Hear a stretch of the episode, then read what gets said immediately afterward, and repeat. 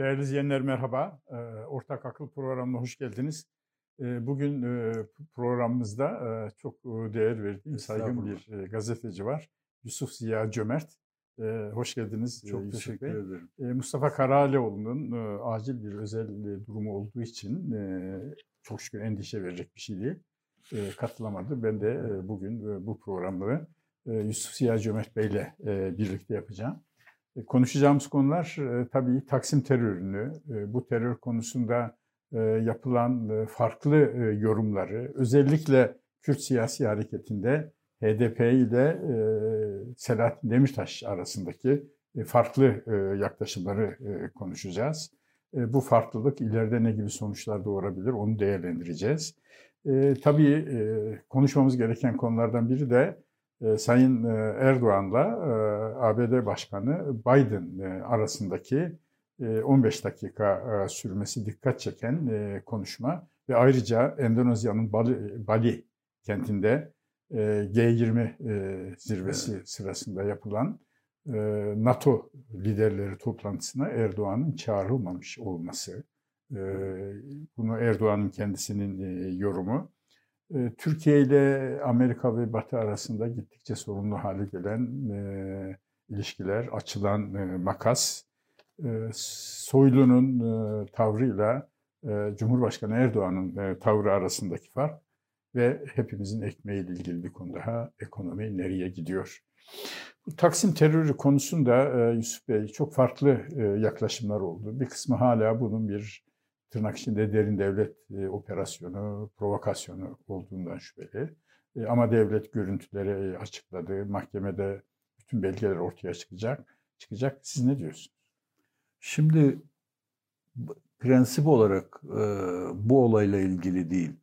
Bir takım e, yorumlar yapılabiliyorsa, komplo teorileri üretilebiliyorsa ve bu teoriler ciddiye alınabiliyorsa bu ülkede temel bir noksanı var bu ülkenin demektir. Yani kimse e, bir söylentiye aman değildir öyle bir şey falan diyemiyor. E, bu işte e, devletin, hükümetin, yetkililerin açıkladığı gibidir mutlaka diyemiyor. Güvensizlik var. Böyle bir tereddütlü ortam var. Başka siyasi olaylarda da çok kötü, acı bir takım olaylarda da bu, bu tür şeyler ortalıkta dolaşabiliyor. Bence spesifik olarak bu olayla ilgili değil de genel olarak niye bizim durumumuz böyle? Ee, bunun sebebi nedir? Yani güvensizlik mi? Yapılan tabii, açıklamalara tabii, güvenememek. Tabii. Ya enflasyon bile öyle. Yani. Enflasyon bile öyle. Tabii o, çok o, iyi. O öyle, bu böyle falan filan. Herkes bir değişik şey söylüyor. Ve hepsinin pazarı var bu söylenen şeylerin. Ee, ya bu, bunun doğrusu şudur diyebileceğimiz bir e, veri var mı yok mu bu da tartışılır. Ortak güven merciği kalmadı. Genel olarak ve bütün konularla ilgili böyle bir sıkıntı var. Ee, sıkıntının bir bu tarafına e, ayrıca değinmek gerekiyor. Yani e, tamam bu olay nasıl olmuştur? Devlet böyle böyle, hükümet böyle açıkladı, İçişleri Bakanı böyle dedi falan. Biz de temel olarak, mesleki olarak önceliği yetkililerin açıklamalarına veriyoruz tabii. Yani bunların dediklerim büyük ihtimalle doğru doğrudur diyoruz ama sorulan suallere e, açık, belirgin açıklamalar get- getirmiyorlar. Şimdi yakalanan terörist kadın Arap. Bunun niye böyle olu- olduğuna dair bir sağlam bir e, şey yok. Sağlam bir izah yok. Ee, Kobani ko, olay patlak verdiğinde yani açıklandığında, öğrenildiğinde bütün yorumlar Amerika eğitti bunları, üzerimize saldı şeklindeydi. Yapar mı Amerika böyle bir şey? Yapar yapar yani hiç görmediğimiz bir durum değil. Burada şöyle bir problem yok evet. mu Yusuf Bey? Bunu e, zihnimizin içindeki şablonlarla zihnimizin dışında cereyan eden olayların niteliği arasındaki farkı evet. fark edememek. Tabii ki. Tabii. Ee, Bunu e, birçok olayda da görüyoruz. Zihnimizin içinde bir şablon var. E, dışarıda bir olay oluyor. Zihnimizin içindeki şablon neyse hemen onu yapıştırıyoruz. E, Sadrazam Said Halim Paşa sizin de benim de çok iyi e, incelediğimiz, okuduğumuz, büyük saygı duyduğumuz Tabii. değerli bir e, entelektüeldi. O diyor ki şarkın problemi zihnin içindeki resimleri eşyaya yapıştırmak. Ama eşyanın resmini çekememek diyor. Evet. Çok güzel bir fotoğraf. Evet. Yani böyle bir terör olayı, bir enflasyon olayı, Amerika'nın şu hareketi, Rusya'nın bu hareketi meydana geldiğinde onunla ilgili araştırmaları, doneleri, vergileri, e, verileri e, düşünmek yerine, onlar evet. üzerine düşünmek yerine, onları araştırmaya ihtiyaç hissetmek yerine zihnimizde hazır, hazır şablonlar var. Şöyle olmuştur. E, evet. Bu, bu çok tipik bu, bir az gelişmiş ülke, bu, tipik bir Orta Doğu kültürü. Ya olayı anlamaktan ziyade kendisini teyit etmeye çalışıyor insanlar. Yani benim evet. kafamdaki şablonun doğru ol, olması lazım. Bunu teyit etmeye çalışıyorum. Bu tür araştırmalarda geçenlerde sormuştum. Katilin kim olması lazım? Soru böyle soruluyor sanki. Katil, PKK diyorsanız ha. failin Kürt olması lazım diye bir şablon. Me- mesela evet yani fa- fail kim diye sormuyorlar soruyu. Failin kim olursa daha iyi olur. Kim olursa daha İşimize hoşuna gelir. gider. Evet. Ee, tabii bir araştırma bu buradan başlanırsa e, yapılmaya e, hedefin dışına çıkma ihtimali yüksek olur. Yani e, doğruyu bulma ihtimali yüksek olur. Burada şimdi hepsi olabilir. Yani Rusya terör yapar mı? Yapar. Amerika yapar mı? Yapar. Yazdınız da bunu. Evet. Terörü maşa olarak kullanır mı? Kullanır. Ama sen dersen bu yaparsa benim işime daha iyi gelir. Bu yaparsa siyasi olarak bundan istifade ederim. Bu bakış açıları sağlıklı değil. Sizin görüşünüz ne bu terör olayında e, PKK olması mı sizin zihninizde e, fotoğrafın telkin ettiği e, realist bir fotoğraf yoksa derin devletti başka provokasyon deyince akla gelen bütün komplo teorilerim. Şimdi be, benim tarzım önce gördüklerim, resmi makamlardan işittiklerim neyse e, birinci seçenek o olması lazım. Ben başta da belirttim. Önce yetkililerin söylediği yola bakmamız lazım. Ama soru sorulacak, onu da sormamız lazım. Evet. Yani Şimdi Türkiye'de... Siz ne sonucuna vardınız? Bu bir PKK Ben sonuca nasıl varayım ki? Daha varamadım diyorsun. Bilmiyorum ki. Ama muhtemelen mesela PKK başkalarını da kullana, kullanabilir. Yani bu, bu tür şeylerde Arapları falan da kullanabilir. Ee, olabilir. Birinci seçenek gene PKK'dır. Ama başkası da çıkabilir. Yani e, şeyin e, diyelim ki bombacının, teröristin e, fiziki yapısında başka alametler de var. Yani, yani Afrikalı olabilir o, o şey. Yani e, tamam tam siyahi değil ama böyle e, Kuzey Afrika siması var kadında. Yani e, Şimdi bazıları Türk yetkililere dayanarak Reuters açıklamıştı. Şimdi Kuzey Afrikalı simasından hareketli bir komplo teorisi kuralım mı? Kurmayalım. Bu işi Cezayir yapmış olabilir mi? ya. Tunus yapmış olabilir mi? Cezayir, Tunus eski Fransız şubesi Macron yaptırmış olabilir. Yani bunu... Ya, tabii öyle gidersin ya. Ha, komplo teorileri ne kadar evet. zırva onu anlatmak tabii, için. Tabii tabii evet. Bu e, İran-Irak savaşı e, sırasında karşı taraf olarak birbirleri hakkında ürettikleri komplo teorileri. İran devrimi diyor ki Irak e, Amerikan ajanıdır. İran devrimini boğmak için Amerika Irak'ı destekliyor. Evet. Buna karşılık e, Saddam'ın e, Irak'ı diyor ki Amerika Arap uyanışını boğmak için Arapların yeni bir Kadisiye evet. tarihteki zaferi kazanmasını önlemek için İranlıları Amerika destekliyor. Evet. Yani o, yani bu, bu komplo teorisi evet. hastalığından kurtulmak e, bu Orta Doğu toplumlar için fevkalade zor. Rasyonelleşmek zorluğu bu aslında. Değil evet, mi? tabii. Yani böyle, böyle bir sorun var. Dolayısıyla e, katili şurada gazetede otururken, televizyonda otururken bizim bulmamız saçma bir şey yani. Ancak zihnimizdeki şablonları yapıştırmak ama, olabilir. Evet yani ama soruları gerçekten sorarsın ki insanlar o soruların cevaplarını arasınlar. Bu e, soruşturmakla görevli insanlar ki akıllarına bizden daha fazla şey geliyordur. Çünkü ellerinde daha fazla veri var. Ee, her şeyi onlar görüyorlar. Dolayısıyla bir, bir sonuca varma ihtimalleri onların daha fazla ama biz de soruları sorarız. Yani. Deniliyor ki e, ya buna istihbarat eğitimi almış diyorsunuz. İstihbarat eğitimi almış bir kişi 3-5 saat sonra yakalanır mı? Yakalanır. Yakalanır. Ya da yakalanmaz. Bu olayın özelliğine bağlı. Yani herhalde istihbarat eğitimi e, almış olan e, bir insan kendisini saklamak için çok normal bir hayata dönebilir. Normal bir hayatta beni aramazlar e, düşüncesiyle. Ama kameralarda bütün bunlar tespit ediliyor. O yüzden ben bilhassa şunun üzerinde duruyorum. Yıllardan beri üzerinde durduğum bu konu bu. Kitaplarımda da komple teorisinin nasıl zırh olduğunu anlatmaya çalıştım. Zihnimizdeki şablonlarla düşünmek yerine zihnimizin dışında yeterli bilgimizin olmadığı ancak araştırmalarla, bulgularla, e, delillerle akıl yürütebileceğimiz e, olayları birbirine karıştırmamak. Evet. Burada ben bunu belirttikten sonra size şeyi soracağım.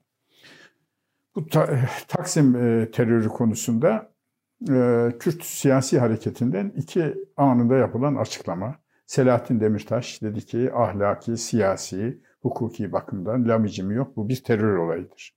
Ama orada bir kaydı var. Sivil hedeflere yönelen bu tür olaylar terör evet. olaylar.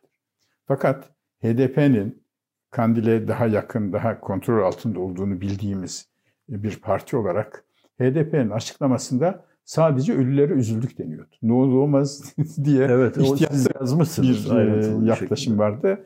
E, ne diyorsunuz? Bir Kürt hareketinde zaman içerisinde teröre karşı e, bir e, siyasi hareketin gelişmesi ya, ya da e, HDP'nin zaman içerisinde işte bunu İspanya örneğinde ve İngiltere örneğinde gördük. Terörden bağımsız bir harekete dönüşebilmesi ihtimali var mı? Şimdi HDP'nin içinde bunu isteyenler vardır. Var. Ama öbür tarafın elinde silah var. Yani bunu istiyorum demek e, ve bu, bunun için mücadele ver, vermek zor. Kolay değil yani o, onu... Ki örnekleri var. PKK çekip vuruyor. Tabii. Yani böyle bir durumda eğer anlamak gerekiyorsa ben anlamam bana ne falan da diyebiliriz tabii ama bunun anlaşılması lazım. Bu bir realite yani istiyorsa bile adam şey yapmak, kop, mesafe koymak Koy koyabiliyorsan hadi bakalım. Koy koyabilir. Yani dolayısıyla böyle bir sıkıntıları vardır mutlaka. Ben eminim insan tabiatı itibarıyla sükunu, asayişi tercih etmek ister. Huzuru tercih etmek ister. Ee, oradaki insanlar da, nüfus da, e, şeydeki siyasi hareketin içindeki insanlar da bunu daha çok tercih ederler. Ama bunu dillendirmeleri de çok zor. Bu, bunun için uğraşmaları da çok zor. Şimdi Demirtaş'ın çıkışı kaydedilmesi gereken bir çıkış. Ayrı bir çizgi çizmiş oldu. Ben de aynı kanaatteyim. Evet. Ki e, Demirtaş'ınki sözünüzü kestim. Sadece bu değil. Daha önce de e, PKK'yı, Kandil'i ya doğrudan doğruya ya dolaylı olarak e, eleştiren açıklamalar oldu. Ve Kandil'de, Kara Yılan'da ukalalık yapma diye tepki gösterdi. Evet, evet. Yani böyle bir ayrıl ayrı çizgi diyelim. ayrılmak böyle tamamen e, istiklalini ilan etmek öyle değil. O, bu şu, anda şimdiki şartlarda mümkün görünmüyor ama e, diyelim ki e, aynı vicdan, vicdanla bakmıyorlar olaya. Bir, bir farklılıkları oluşuyor. Ben şöyle bir e, nasıl söyleyeyim? e, hem gözlemim hem temennim. Temenniyle karşı gözlem ya da evet. gözlemle karşı temennim var. E, Türkiye şehirleşiyor. Türkiye dünyaya daha fazla e, açılıyor. Piyasa ekonomisinde insanlar ekmeğini bir yerin e, maaşıyla e, alma, kazanmak yerine piyasadan kazanma. E, eğitimin e, gelişmesi, e, farkındalığın gelişmesi giderek böyle sık dokulu toplumları çözüyor mahalle. E, daha bir bireyleşme, daha bir özgürleşme gelişiyor. Bu bizden önce bu yoldan geçmiş olan batılı ülkelerin de yaşadığı, bizden önce bu yoldan geçmiş olan Japonların da yaşadığı, Güney Korelilerin de e, yaşadığı bir olay. Bu genel şey Kürt hareketinde etkiliyor ve Kürt hareketinin içerisinde artık böyle ölmeyi, dağa çıkmayı e, idealize eden, e, bir tür mistisizme, e, ölüm mistisizmine e, kapılmış e, nesillerin yerine giderek e, daha dünyalı, e, daha e, özgür, daha bireyleşen, e, refahı, eğitimi, bireysel başarıyı önemseyen bir nesil geliyor. Evet. Ve e, bu neslin gözünde PKK artık çok arkaik kalıyor. E, bu nesil henüz e, yeterli ağırlıkta değil. Ama gelişmekte olan e, nesil bu. Ben zaman içerisinde e, PKK'lı böyle 1970'ler kalıntısı savaş lordlarının artık yaşlanmış savaş lordlarının yerine şehirlerde daha böyle bir demokrasiyi, insan hayatını, refahı, özgürlüğü önemseyen bir Kürt kuşağın belirdiğini ve bunların PKK'ya karşı mesafeli durduğunu e, düşünüyorum. Nitekim dağa çıkmaların azalmasının bir sebebi elbette terörle mücadele. Ama o terörle mücadeleyi her zaman yaptık. Hatırlayacaksınız İlker Başbuğ Genelkurmay Başkanı iken bu konuda bir e, basın toplantısı yapmıştı ve demişti ki 25 bin 1984'ten beri 25 bin PKK'lı öldürüldü ama arkası geliyor. Evet. Şimdi arkası eskisi kadar gelmiyor. Bu hem dün de yaptığımız terörle mücadele ile ilgili ama yeni bir faktör şehirleşme, eğitim, dünya, dünyevileşme. E, böyle bir yoruma katılır mısınız? Uzun vadeli bir yorum. Bu, bu bunu bir tespit olarak değil, sizin de belirttiğiniz gibi daha temenni tarafı ağır basan bir e, görüş olarak değerlendiririm ve katılırım tabii e, bilhassa temenni kısmına. E, yani çünkü terör şehirde başka yöntemler, kırsalda başka yöntemler falan şehrin e, şeyi var. Yani terbiye edici, şehirleştirici bir özelliği var tabii. Ama bu bizim gibi toplumlarda çok zaman alıyor. Yani Çünkü geciktik şehirleşmede. Evet, yani çok zaman alıyor. Şehirleşirken şehirli gibi, şehir gibi şehirleşmiyoruz yani. Köyümüzü de taşıyoruz, Cemaatimizi her şeyimizi taşıyoruz, örgütümüzü tabii. de taşıyoruz. Ee, mahallemizi de taşıyoruz. Tabii yani o, o bildiğimiz anlamda bir şehirleşme olmuyor. Uzun zaman şehirde köyleşme hali devam ediyor. Şehirleşmenin ilk aşamalarında ilk evet. iki üç nesil öyle Ama uz, uzun uzun vadede e, böyle bir şey olsa çok iyi olur yani. Ama böyle mi oluyor? Bunu ben şimdiden kestirmem mümkün değil. Olsa iyi olur.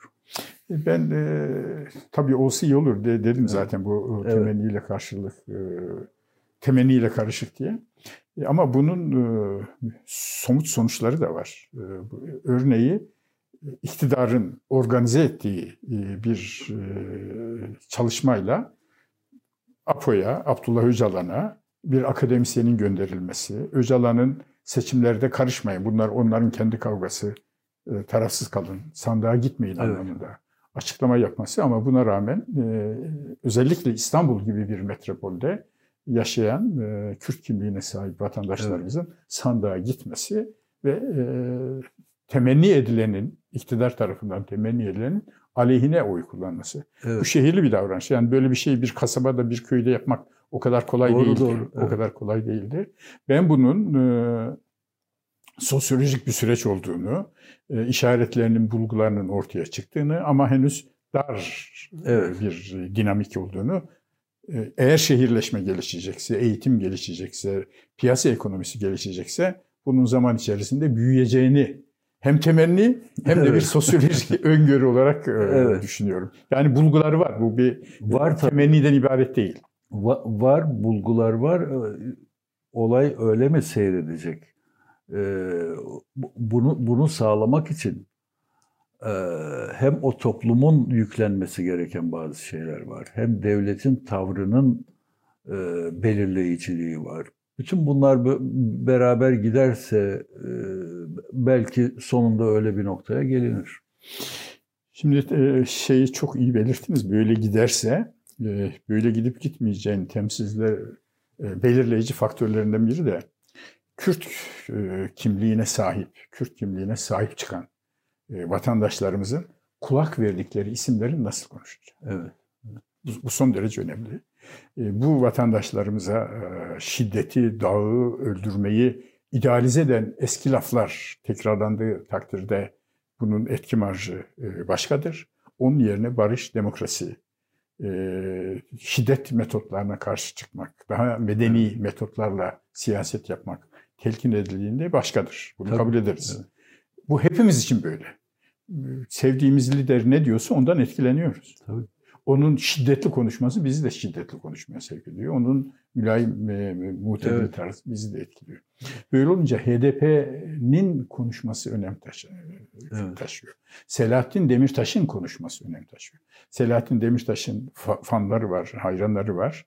E, herhalde onlar Selahattin Demirtaş'ın e, şiddete karşı, sivillere şiddet yapılmasına karşı konuşmasından etkileneceklerdir. Burada HDP'nin ben tavrını önemsiyorum ve e, bir e, anayasa profesörü olan Mithat Sancar hocamızın hepimizin tanıdığı, değer verdiğimiz bir insan. Onun yeterince konuşması gerektiği, HDP'nin demokratik metotları savunmada daha cesur olması gerektiği kanaatindeyim. Ama maalesef dediğiniz gibi onu kolay kolay yapamıyorlar. Evet. Bir kısmı da inanmadığı için. Yani demokratik metotlara inanmadığı için. Evet. Yani e, zo- zor öyle bir şeyin içine girmek. E, yani diyelim ki şöyle bir manzara çıktı ortaya. HDP içinde PKK yanlıları ve PKK karşıtları. Çok zor. Çok zor. Böyle bir resmi e, açıkça göstermek, böyle bir resmin ortaya çıkması Çok ee, o o şey için söylüyorum. Yani o alan için bü- büyük bir sorun. Yani kolay değil. Aysel Tuğlu'nun e, bir e, konuşmasını hatırlıyorum. 4-5 sene e, önceydi. Kendi aramızda özgür konuşamıyoruz. diyor. Konuşamam. KCK örgütlenmesini eleştirirken e, burada kendisine sağlıklar diliyorum. E, e, Sağlık durumu iyi değil biliyorsunuz Evet, cezaevinde. Kendi aramızda özgür konuşamıyoruz. Evet. İşte bu kendi aramızda özgür olabilmek. Kendi mahallemizde, kendi tarikatımızda, kendi örgütümüzde, kendi partimizde, kendi cemaatimizde, kendi dost çevremizde özgür konuşabilmek. İşte ben e, bu tür Kürt hareketinde de e, ortaya çıkan henüz e, güçlü olmayan e, bir takım e, işaretlerin zaman içerisinde gelişeceğini hem inanıyorum hem temenni ediyorum. Yine aynı şeye geldik hem Evet, gözlem hem evet. temenni. Biraz da şimdi bu Sayın Erdoğan'la Biden e, görüşmesi e, üzerinde duralım. Ne diyorsunuz? Ya ben sadece bizimle ilgili değil. Yani bir gün e, birçok şey söylüyorsun diyelim Amerika'ya, Fransa'ya, başkalarına falan birçok şey söylüyorsun. Sonradan bir iki hafta sonra bir toplantı oluyor. Oturuyorsun, konuşuyorsun güzel güzel. Bunu tabii birey olarak e, kendi hayatımda çok yadırgarım. Yani Şimdi birbirimize laf ediyoruz ondan sonra. yani böyle bir şey olmaz, olmaması lazım. Ee, siyasette oluyor demek ki. Yani Türkiye'de iktidar tarafından Biden istikametine doğru herhalde söylenmemiş söz kalmamıştır. Ee, ama e, Biden'la konuşmayı Cumhurbaşkanı Erdoğan'ın e, önemli bir fırsat olarak gördüğü de bir gerçektir Biden- Biden'la görüşme imkanını. Ee, elbette oraya karşı karşıya gelince normal ve soğukkanlılıkla konuşacaklar, görüşecekler. Ee, önlerinde bir sorun varsa onu konuşacaklar. O konuşmada öyle cereyan etmiş anladığım kadarıyla. Ee, F-16'ları konuşmuşlar. Gıda güvenliği konusunu, e, tahıl Tahıl koridoru, evet. konuşmuşlar. Tamam, normal. Bu, bu normal. Ee, ama yani ben gene kişisel olarak ben olsam e, yarın yüz yüze oturup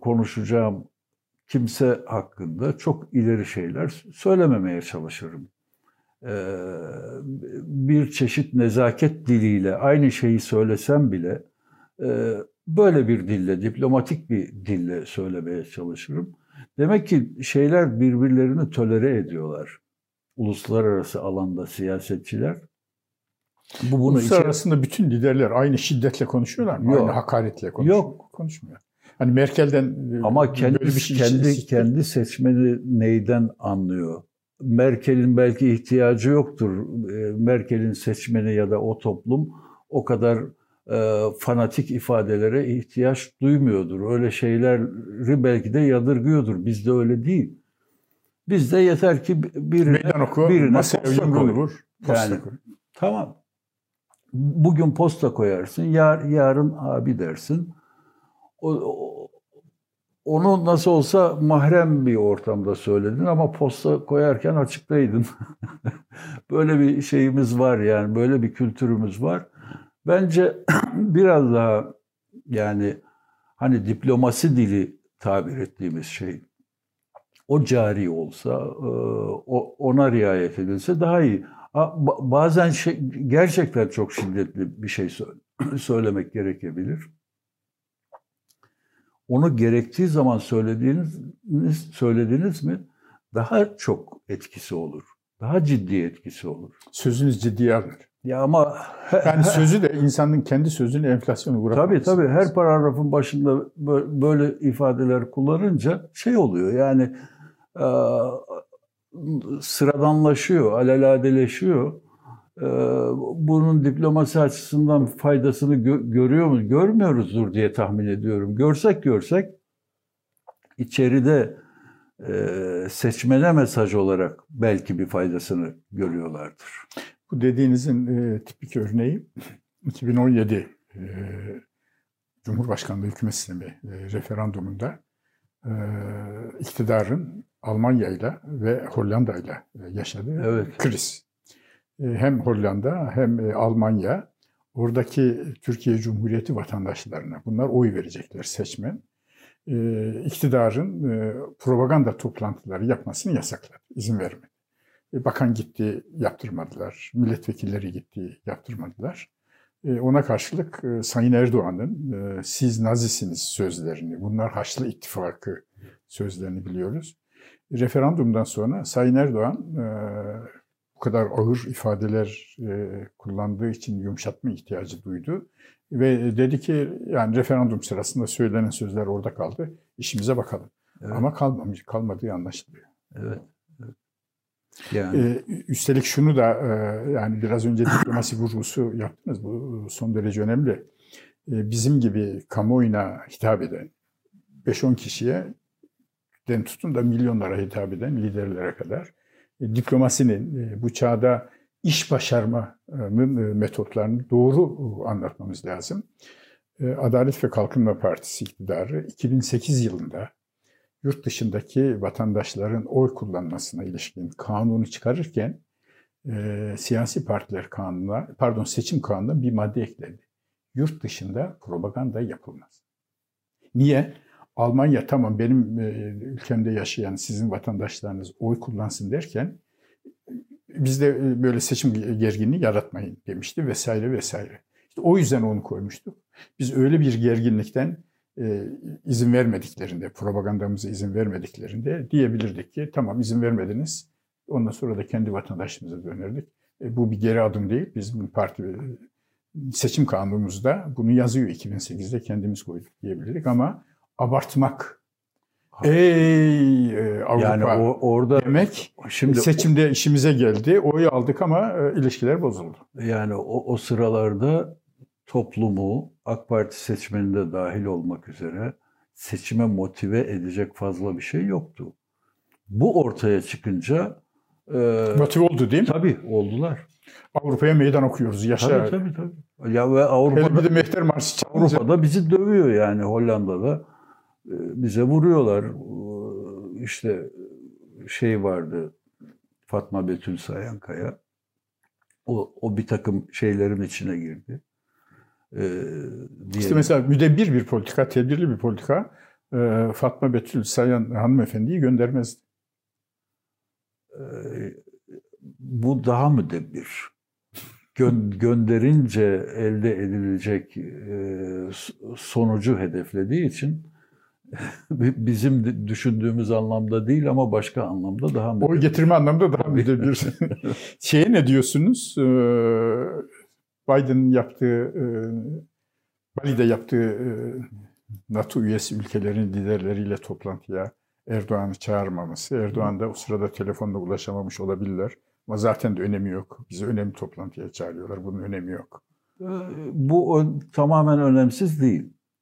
Yani bir toplantı yaparsınız ve toplantıya katılması gereken insanlar tamamlanmamışsa onun da çaresine bakarsınız. Yani e, diyelim toplantı saat 8'de ise 8.30'a alırsınız. Muhakkak tabii tabii. Yani diplomatlar bu organizasyonu tabii, yapar ondan sonra. Gerçekten lüzumlu bir yapılır. katılım söz konusuysa. Fakat orada Cumhurbaşkanı Erdoğan yani sanki biraz taraf gibi göründü.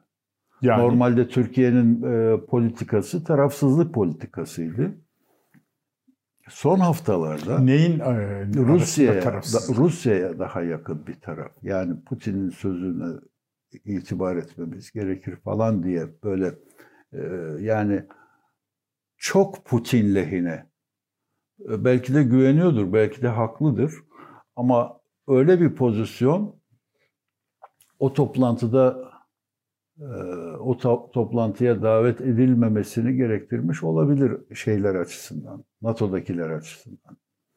Yani NATO Genel Sekreteri Türkiye'ye karşı çok olumlu. Bütün e, çok her zaman öyle. Evet, sinyal, bütün sinyalleri olumlu şimdiye kadar yıllardır. E, eğer onun yönetiminde gerçekleşiyorsa bir, bir şey yani e, no, normalde Türkiye katılırdı katılmamasını Ama gerektir. Ama Biden düzenledi bunu. Ee, Biden düzenliyorsa şey olabilir. Ee, iyimser yorum o anda mümkün olmamıştır. Kötümser yorum ya Türkiye katılmasın, Türkiye'nin tutumu biraz değişik olabilir yani. Hangisi?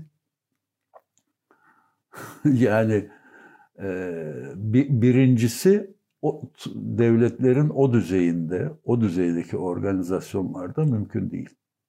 İkincisi daha fazla bir ihtimal. Yani e, Türkiye'yi e, Putin'e daha yakın gördükleri için çağırmadılar diyorsun. Olabilir, evet. evet. Şimdi zaten e, Yusuf Bey, Sayın Erdoğan'ın e, Putin hakkında söyledikleri. Amerika'ya gitti Birleşmiş Milletler toplantısı için. E, orada CNBC'di galiba. E, çıktığı televizyonda, Amerikan televizyonda konuşuyorsun. Konuşurken sevgili dostum Putin diyorsun. Sayın Erdoğan'ın Putin kadar böyle güven ifade ettiği, e, karşı tarafın televizyonlarında bile sevgili dostum diye e, nitelediği başka bir lider var mı? Olabilir. Yani Erdoğan'ın ilişki tarzında zaman zaman oluyor yani ama e, diyelim e, Putin çapında diyeyim yani Rusya'nın devlet başkanı ya da aynı şey. Mesela Berlusconi'ye de diyebilir öyle bir öyle bir ifadeyi kullanabilir. Evet, kullanmıştır muhtemelen. Geçmişte o. He. Ama o Berlusconi'ye öyle dediği zaman Sayın Erdoğan 2011 yılındaki hükümet programında Berlusconi dönemi hükümet programında Avrupa Birliği süreci Türkiye için Cumhuriyet'ten sonra en büyük e, medeniyet projesidir diyor. Evet. E bugün e, işte ya bu, Haçlı bu, İttifakı bu, diyor. Bunu ama birkaç ay birkaç ay önce mi? Biraz daha eski söylemişti bizim geleceğimiz Avrupa'dadır, Avrupa Birliği'ndedir falan demişti. Yani e, bunları söylüyor. Sanki birbiriyle çelişmiyormuş gibi onu da söylüyor, onu da söylüyor. O zaman da Cumhurbaşkanı işte oluyor. Evet. Yani. Evet. Şimdi bu Amerika ile ilişkiler konusunda Süleyman Soylu'nun dış politika kendisinin e, uzmanlık alanıymış gibi, dış politika konusunda bir tecrübe sahibiymiş gibi, dış politika ile ilgili herhangi bir platformda varlık göstermiş gibi e, konuşması, onun karşılığında da Erdoğan'ın e, Amerika'ya bu terör karşısında gösterdiği e, tavırdan dolayı diğer bütün devletlerle eş düzeyde olmak üzere. Çok doğru bir tavır Erdoğan'ınki burada. Evet. Teşekkür etmesi. Evet.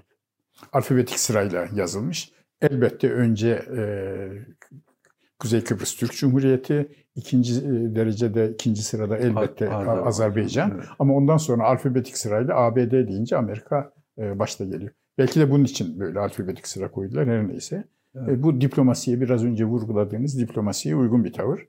Ama Süleyman Soylu'nun evet. Dışişleri Bakanlığı'nın söylemediği bir lafı çıkıp dış politika ile ilgili. Üstelik müttefikliğimiz tartışılmalı diyor. Sen kendi müttefikliğini tartışmalı hale getiriyorsun. Ondan sonra da müttefik değil miyiz? Şunu şöyle yapın diyorsun. Ne diyorsunuz siz? Ya, yani e... tebessüm ettiniz ben bunları söylerken. ya Süleyman Soylu İçişleri Bakanı e, olayın sıcaklığıyla o anda kendisinde e, harekete geçen öfkeyle e, normal e, bir, bir yetkilinin e, sorumlu bir yetkilinin sınırlarını aşacak ifadeler kullanmış. Yani siz bunu tevhire bağlıyorsunuz. Bu bunlar, bunlar bu, bunun iki sebebi olabilir. Bir, birisi bir maksadı olabilir. Birilerine mesaj veriyor olabilir. Mesaj da iç siyasete dönük e, bir, bir mesajdır olsa olsa. Yani Amerika'ya mesaj e, böyle bir mesaj vermezsiniz yani. E, İç siyaset. Kendi evet. Hayır Aslan Amerika'ya meydan okudu falan. evet. Ee, diyelim e, MHP lideri Bahçeli'ye ya da o tarafa, o istikamete doğru bir mesaj vermek istersiniz kendi şeyinizle yani kendi partinizde, kendi liderliğinizde, kabine içinde bir sorun olabilir. O sorun karşısında kendi şeyinizi, kendi pozisyonunuzu takviye etmek istersiniz. Böyle bir şey olabilir.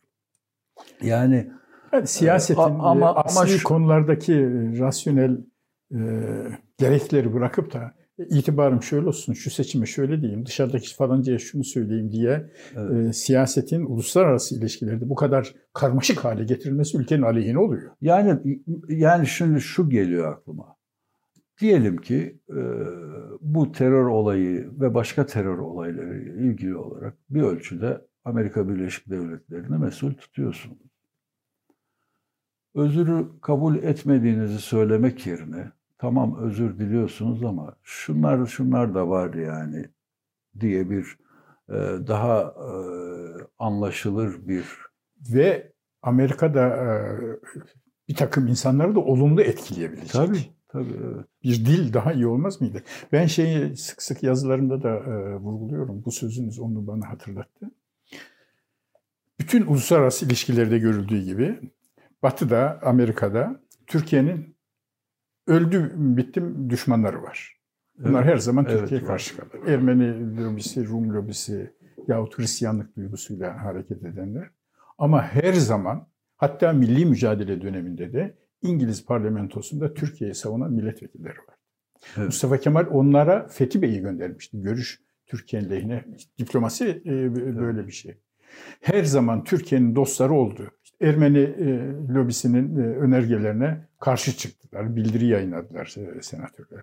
Avrupa'da hatırlıyoruz 2004 yılında bu süreç başlayacağı zaman ellerinde Türk bayraklarıyla yes, evet, evet. Diyenler falan. Diyenler vardı. Şimdi hiç kalmadı. Evet yani e, be, şimdi ben şöyle bir hissiyatım var. Avrupalılar, Amerikalılar bir taraftan bizim demokrasimize, insan hakları e, sorunlarımıza falan bakarlar. Ama gene de devlet devletle ilişkide e, yani bunun tersi durumlarda olabilir. Yani e, bu tür sorunlara rağmen iyi ilişkiler de kurabilirler. Bu, bu konularda hem uluslararası ilişkiler anlamında e, hem de hak hukuk konularında sorunlarımız var buralarla. Ama buna rağmen bizimle bizimle çalışmak isteyebilirler. Bunu bunu hiç göz ardı etmiyorum. Yani buna rağmen çalışmak isteyebilir olmakla böyle bir rağmenlik olmadan çalışabilmiş tabii, olmak farklı sonuçlar tabii ki, doğuruyor. Tabii ki farklı sonuçlar doğuruyor. Şöyle ki e, buna rağmen ilişki kurulursa siyasi düzeyde kurulur. E, ama e, işlerin iyi gittiği zamanlarda yani hukukun bir ölçüde rayına girdiği dönemlerde e, o zaman e, daha kapsamlı toplumla iki toplum ya da toplumlarla daha kapsamlı ilişkiler kurulur. Daha daha e, daha istekli ilişkiler kurulur. Yani diyelim ki insanların Türkiye'ye yatırım yapmaması birisinin talimatıyla olmuyor. İşte Türkiye'de bir güvenlik var, bir e, mal güvenliği var, bir yatırım güvenliği var diye bir kanaat oluşuyor. Kimse kimseye talimat vermeden e, diyelim bir yatırım imkanı yabancılar açısından Türkiye'de e, kullanılıyor. Yani e, dolayısıyla devletlerin e, tavrıyla sınırlı değil bizim ilişkilerimiz. E, o, o açıdan bakıldığında daha sağlıklı olan ilişki bizim e, işte hukukumuzun da insan haklarımızın da bir düzene girdiği, bir standarda ulaştığı kaldı ki bu bizim bizlerin de lehinedir. Yani insan hakları deyince bize yapılacak muameleyi de dikkate alıyoruz, almamız gerekiyor. Yani başkasına verilmiş taviz değil, kendi toplumumuza verilmiş bir taviz, eğer tavizse halkımızın, insanımızın lehine verilmiş bir taviz olur bu konuların gelişmesi. Aldığımız adalet hizmetinin daha kaliteli olması, işte çalışma düzeninin daha insani olması. Bu, bunu başkasına taviz olarak vermiyorsun, sen kendi halkına vermiş oluyorsun zaten. İlişkilerin bu böyle bir düzlemde yürümesi tabii ki çok daha sağlıklı. Evet. Biraz altılı masa e, konuşalım. E, son olarak e, yine e, toplandılar. E, biraz daha e, dişe dokunur, ele geçer unsurlarla bir açıklama yaptılar. Ne diyorsunuz? Şimdi öteden beri e, bu altı liderin ya da altı partinin birlikte ne yapacaklarını, kal, bu, bunları o liderlerin çoğuna da ve çeşitli vesilelerle sormuşumdur.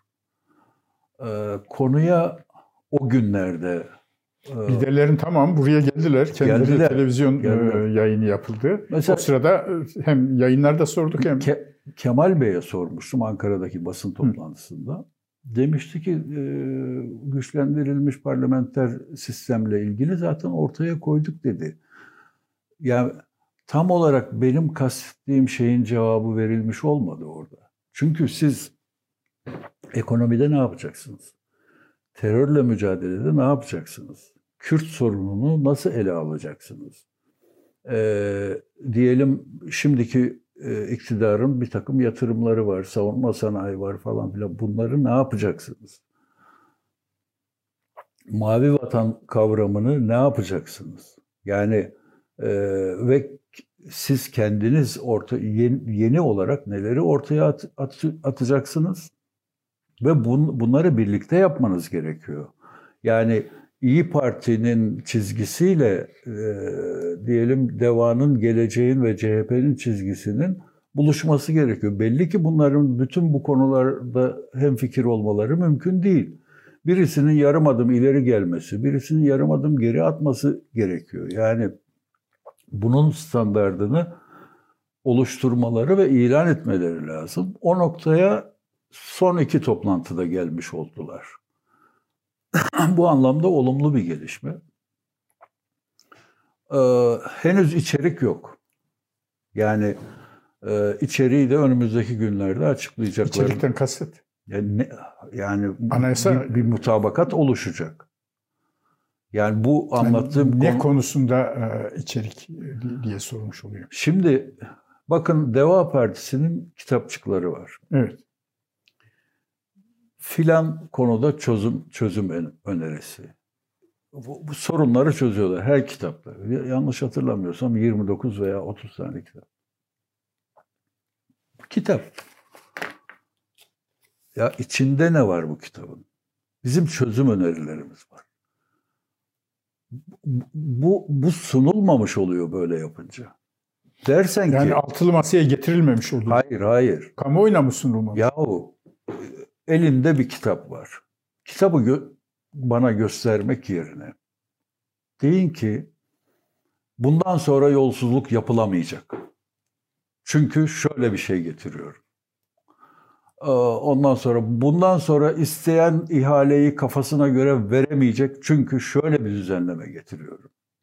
Veya Merkez Bankası e, yönetimine siyaset müdahale edemeyecek. Çünkü şöyle bir düzenleme getiriyorum. Falan filan yani e, sorunları nasıl çözeceksiniz?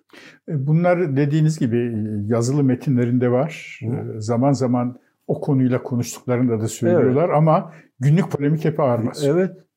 Yani on, onların... Hani ya... bunlar bu konuda hazırlıksız bir iktidar değil. Yo var. Hazırlıksız değil altılı masa. Sunma, Çok sunma sorunu var. var. Evet. Yani bunu propaganda da kullanma. Toplumla paylaşma sorunları var. Ee, bazı konularda mazur sayılabilirler çünkü hakikaten e, medya paylaşmıyor bunları. E, sosyal medyada imkanları sınırlı.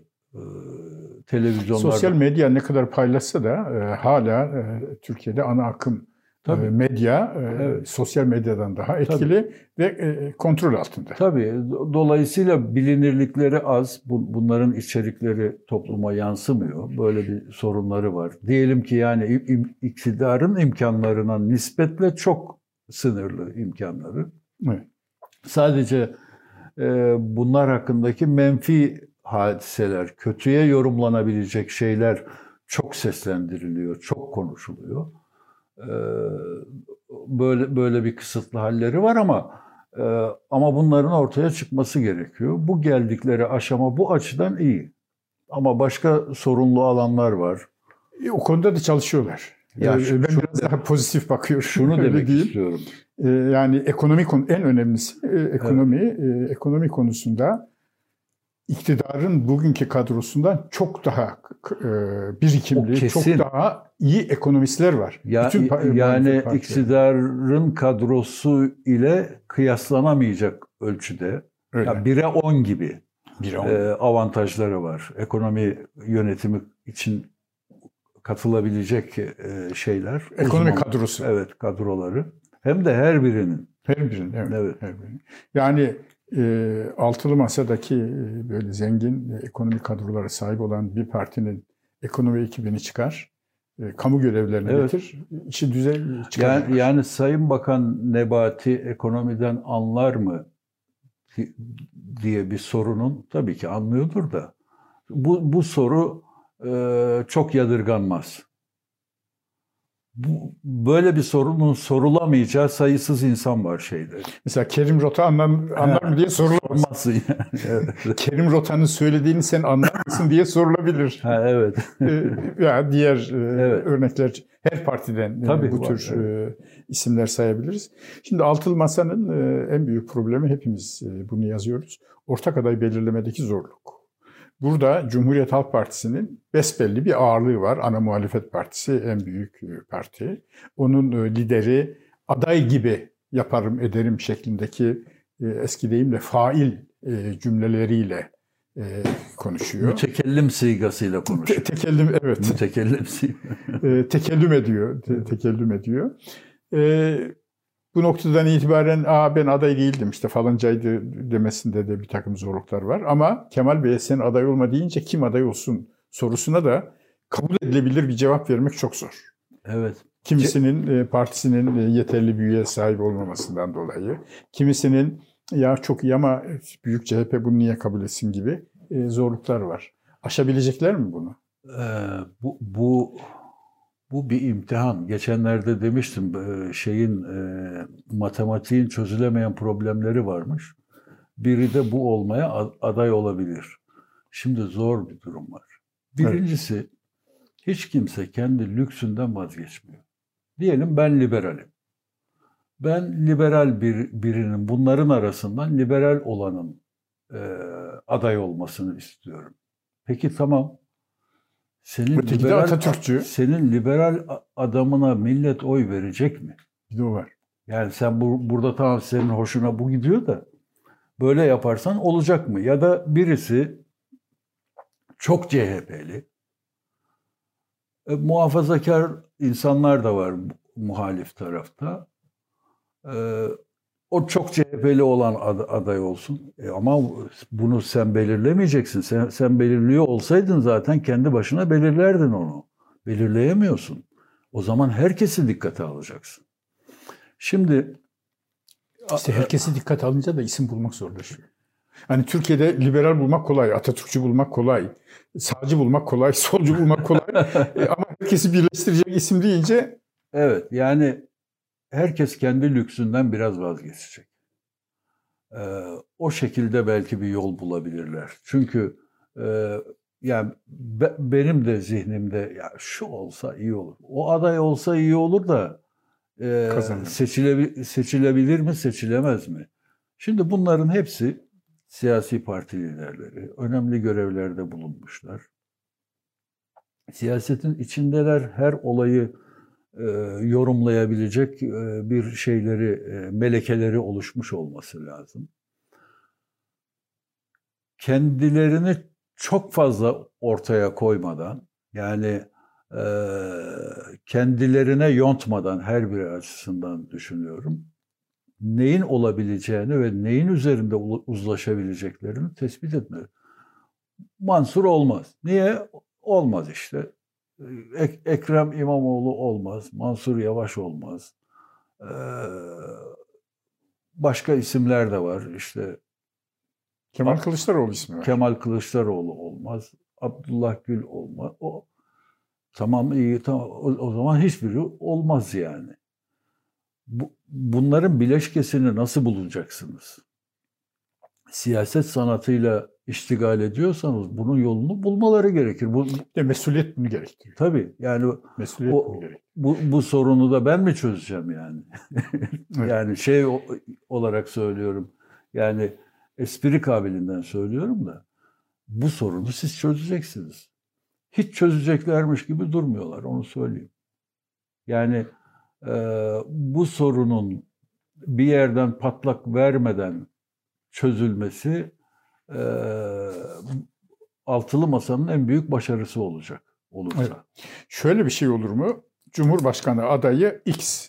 Evet. Benim beğenmediğim sizin beğendiğiniz, sizin beğenmediğiniz benim beğendiğim X Evet. hakkında tartışılabilir. Fakat altılı liderden falanca şu e, kamu hizmetinin başındaki Cumhurbaşkanı yardımcısı ya da bakan.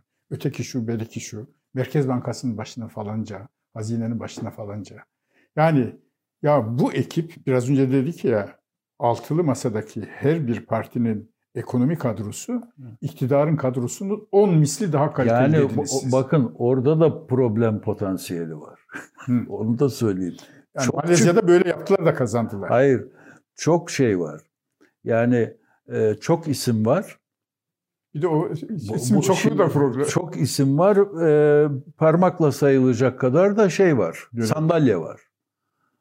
Orada oradaki problem de e, orada da var problem potansiyeli. Bu bir siyasi zeka ile çözülecek. E, bir siyasi uzlaşma kültürüyle çözülecek çözülürse. E, yani o- oralar oralarda her aşamada sorun var. Bu demin söylediğiniz e, herkesin görevinin belli olması, adlandırılması, işte yetkili cumhurbaşkanı yardımcıları falan. Bu, bu konuda da şimdi bu iki aşamalı bir şey. Cumhurbaşkanının yetkileri sınırsız. Maalesef. Ee, bana yetki veriyorlar, size veriyorlar falan filan ama bu yetkilerin hepsini sürklase eden başka bir yetki var. E şimdi e, diyelim muhalefet seçimi kazandı. Şu andaki mevcut anayasayla kazanmış olacak. E, bu, bu, yetkilerin yani herkese yetkiyi dağıt, dağıtıyoruz ama bu, bu yaptığımız şeyin bir müeyyidesi yok. Sadece ahlaki müeyyidesi var. E, kağıda dökülmüş e, yasal müeyyidesi yok. İnsanların e, zihinlerinde işlem yapmaları lazım. Bunu algılayabilmeleri için. Yaparlar. insanların büyük, önemli bir kısmı bunu yapabilir. Ama bunu hem algılarken hem anlatırken aşamalı, kademeli bir şey tarz kullanacaksınız. Bu zor, külfetli, daha direkt. Yani e, daha direkt mesajlar daha fazla verimli olur diye tahmin ediyorum. Evet, evet. Dolayısıyla yani bütün e, siyaset bilimi e, araştırmaları da e, halkı etkilemenin e, yolunun çok bilgili, ince tahliller yapan falan değil. Evet. Felsefe kitapları değil, sosyoloji kitapları değil, tarih, iktisat kitapları değil. Evet. Halkın anlayabileceği sadelikte e, belirli e, sloganlar ve onu söyleyenlerin inandırıcı olması. Tabii. Evet. Yani e, dolayısıyla evet bir işbirliği yapacaklarını söylemeleri doğal, faydalı. E, ama kim aday olacaksa yapılacak olanları o yapacak. Yani o o işi, o koordinasyonu, o onun ümit vermesi lazım. Öyle, öyle bir e, siyasetçi siyasetçiyi tercih etmeleri lazım. Evet. Eğer başarılı olmak istiyorsalar. Burada e, şunu belirterek e, programı kapatayım. Size de e, soracağım. Türkiye bütçe açığında rekor kırdı. Türkiye faiz ödemede de rekor kırdı. En çok faizin aleyhine konuşan iktidar, en çok faiz ödeyen iktidar oldu. Ve bunların faturasını seçimlerden sonra göreceğiz. Ocak ayında Ekim sonuna kadar Merkez Bankası Türk lirasının değerini e, döviz karşısında biraz e, kaybını önleyebil, frenleyebilmek için 98 milyar dolar harcamış. 128 milyar dolardan sonra. Evet, evet. Merkez Bankası'nın e, kur korumalı mevduat için ne kadar e, gider e, ödediği bilinmiyor. Bunu saklıyorlar. E, ama e, hazineden kur korumalı e, mevduat için Sayın Nebati'nin e, açıklaması 90 küsür milyar lira. Evet. Şimdi TL'yi değerinde büyüme, ekonomik gelişme, endüstri, ihracat, sanayi, teknoloji bir kenara. Sırf e, TL'nin değerini bu düzeyde tutmak için biz her sene 90 milyar dolar harcayabilir miyiz? Biz her sene e, kur korumalı e, mevduat için e, 100 milyar liraya yakın para harcayabilir miyiz? Bunun gideri yok. İşte bu problem Seçimlerden sonra kim iktidara gelirse onun başına yıkılacak. Evet. Ben endişeliyim seçimlerden sonrası için. Yani şu anda... Bu kadro bunun altından kalkabilir. Ben muhalefetin kalkacağına inanıyorum da o irade, o anlayış, e, o ekip bir araya gelir mi? Yani şu anda e, hükümetin, iktidarın ekonomik konusunda yanlış, yanlışlanan yani tecrübenin uygulamayla yanlış çıkan. O, ortaya çıkan şeye bakarak ortaya çıkan şeylerin, gerçeklerin yanlışladığı bir politika olduğu anlaşılıyor. Ee, yani enflasyona karşı ücretleri artıracaklar. Ee, olur. Bu, bunun bir dereceye kadar mantığı var. Ee, fakat hiç ücret almayan insanlar da var ülkede. Yani... Bir de e, siz asgari ücreti arttırdığınız zaman Anadolu'da zar zor dönen kobi çarkları onu ödeyebilecek mi? O da var. E, tabii böyle sorunlar var. Yani gidiş yolu şey, e, gidiş yolunun doğru olmadığı anlaşılıyor. E, yani ihracata dayalı, büyümeye dayalı e, ekonomi modeli bu, bu bir adlandırma, bu bir realite değil. Keşke realite olsa. Ha, adlandırma. İhracata dayalı kalkınma doğru bir fikir. Şimdi doğru, Ama bu uygulama o değil. Şimdi e, ihracata dayalı diyorlar da niye ithalata dayalı demiyorlar? İthalat, Tabii, ithalat daha çok, daha çok arttı. He, yani dolayısıyla yani evet ihracat yükseliyor.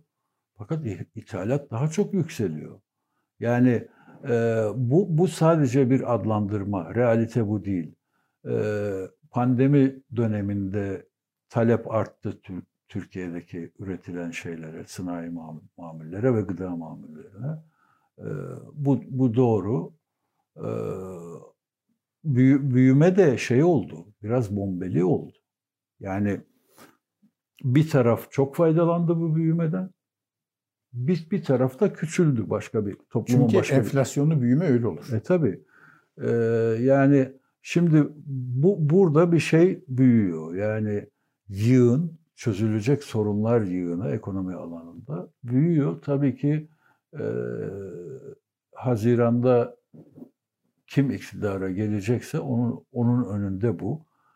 Şimdiki iktidar açısından da son derece büyük. E, muhalefet kazanırsa onun açısından da son derece büyük. Öyle Hepimiz açısından da çok çok Ağır, ağır. evet. Çok çok ağır Öyle bir bir, şey. e, 2023 gözüküyor.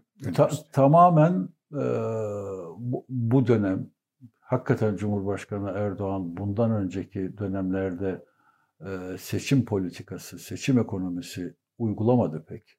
Direndi bu, bu gibi şeylere.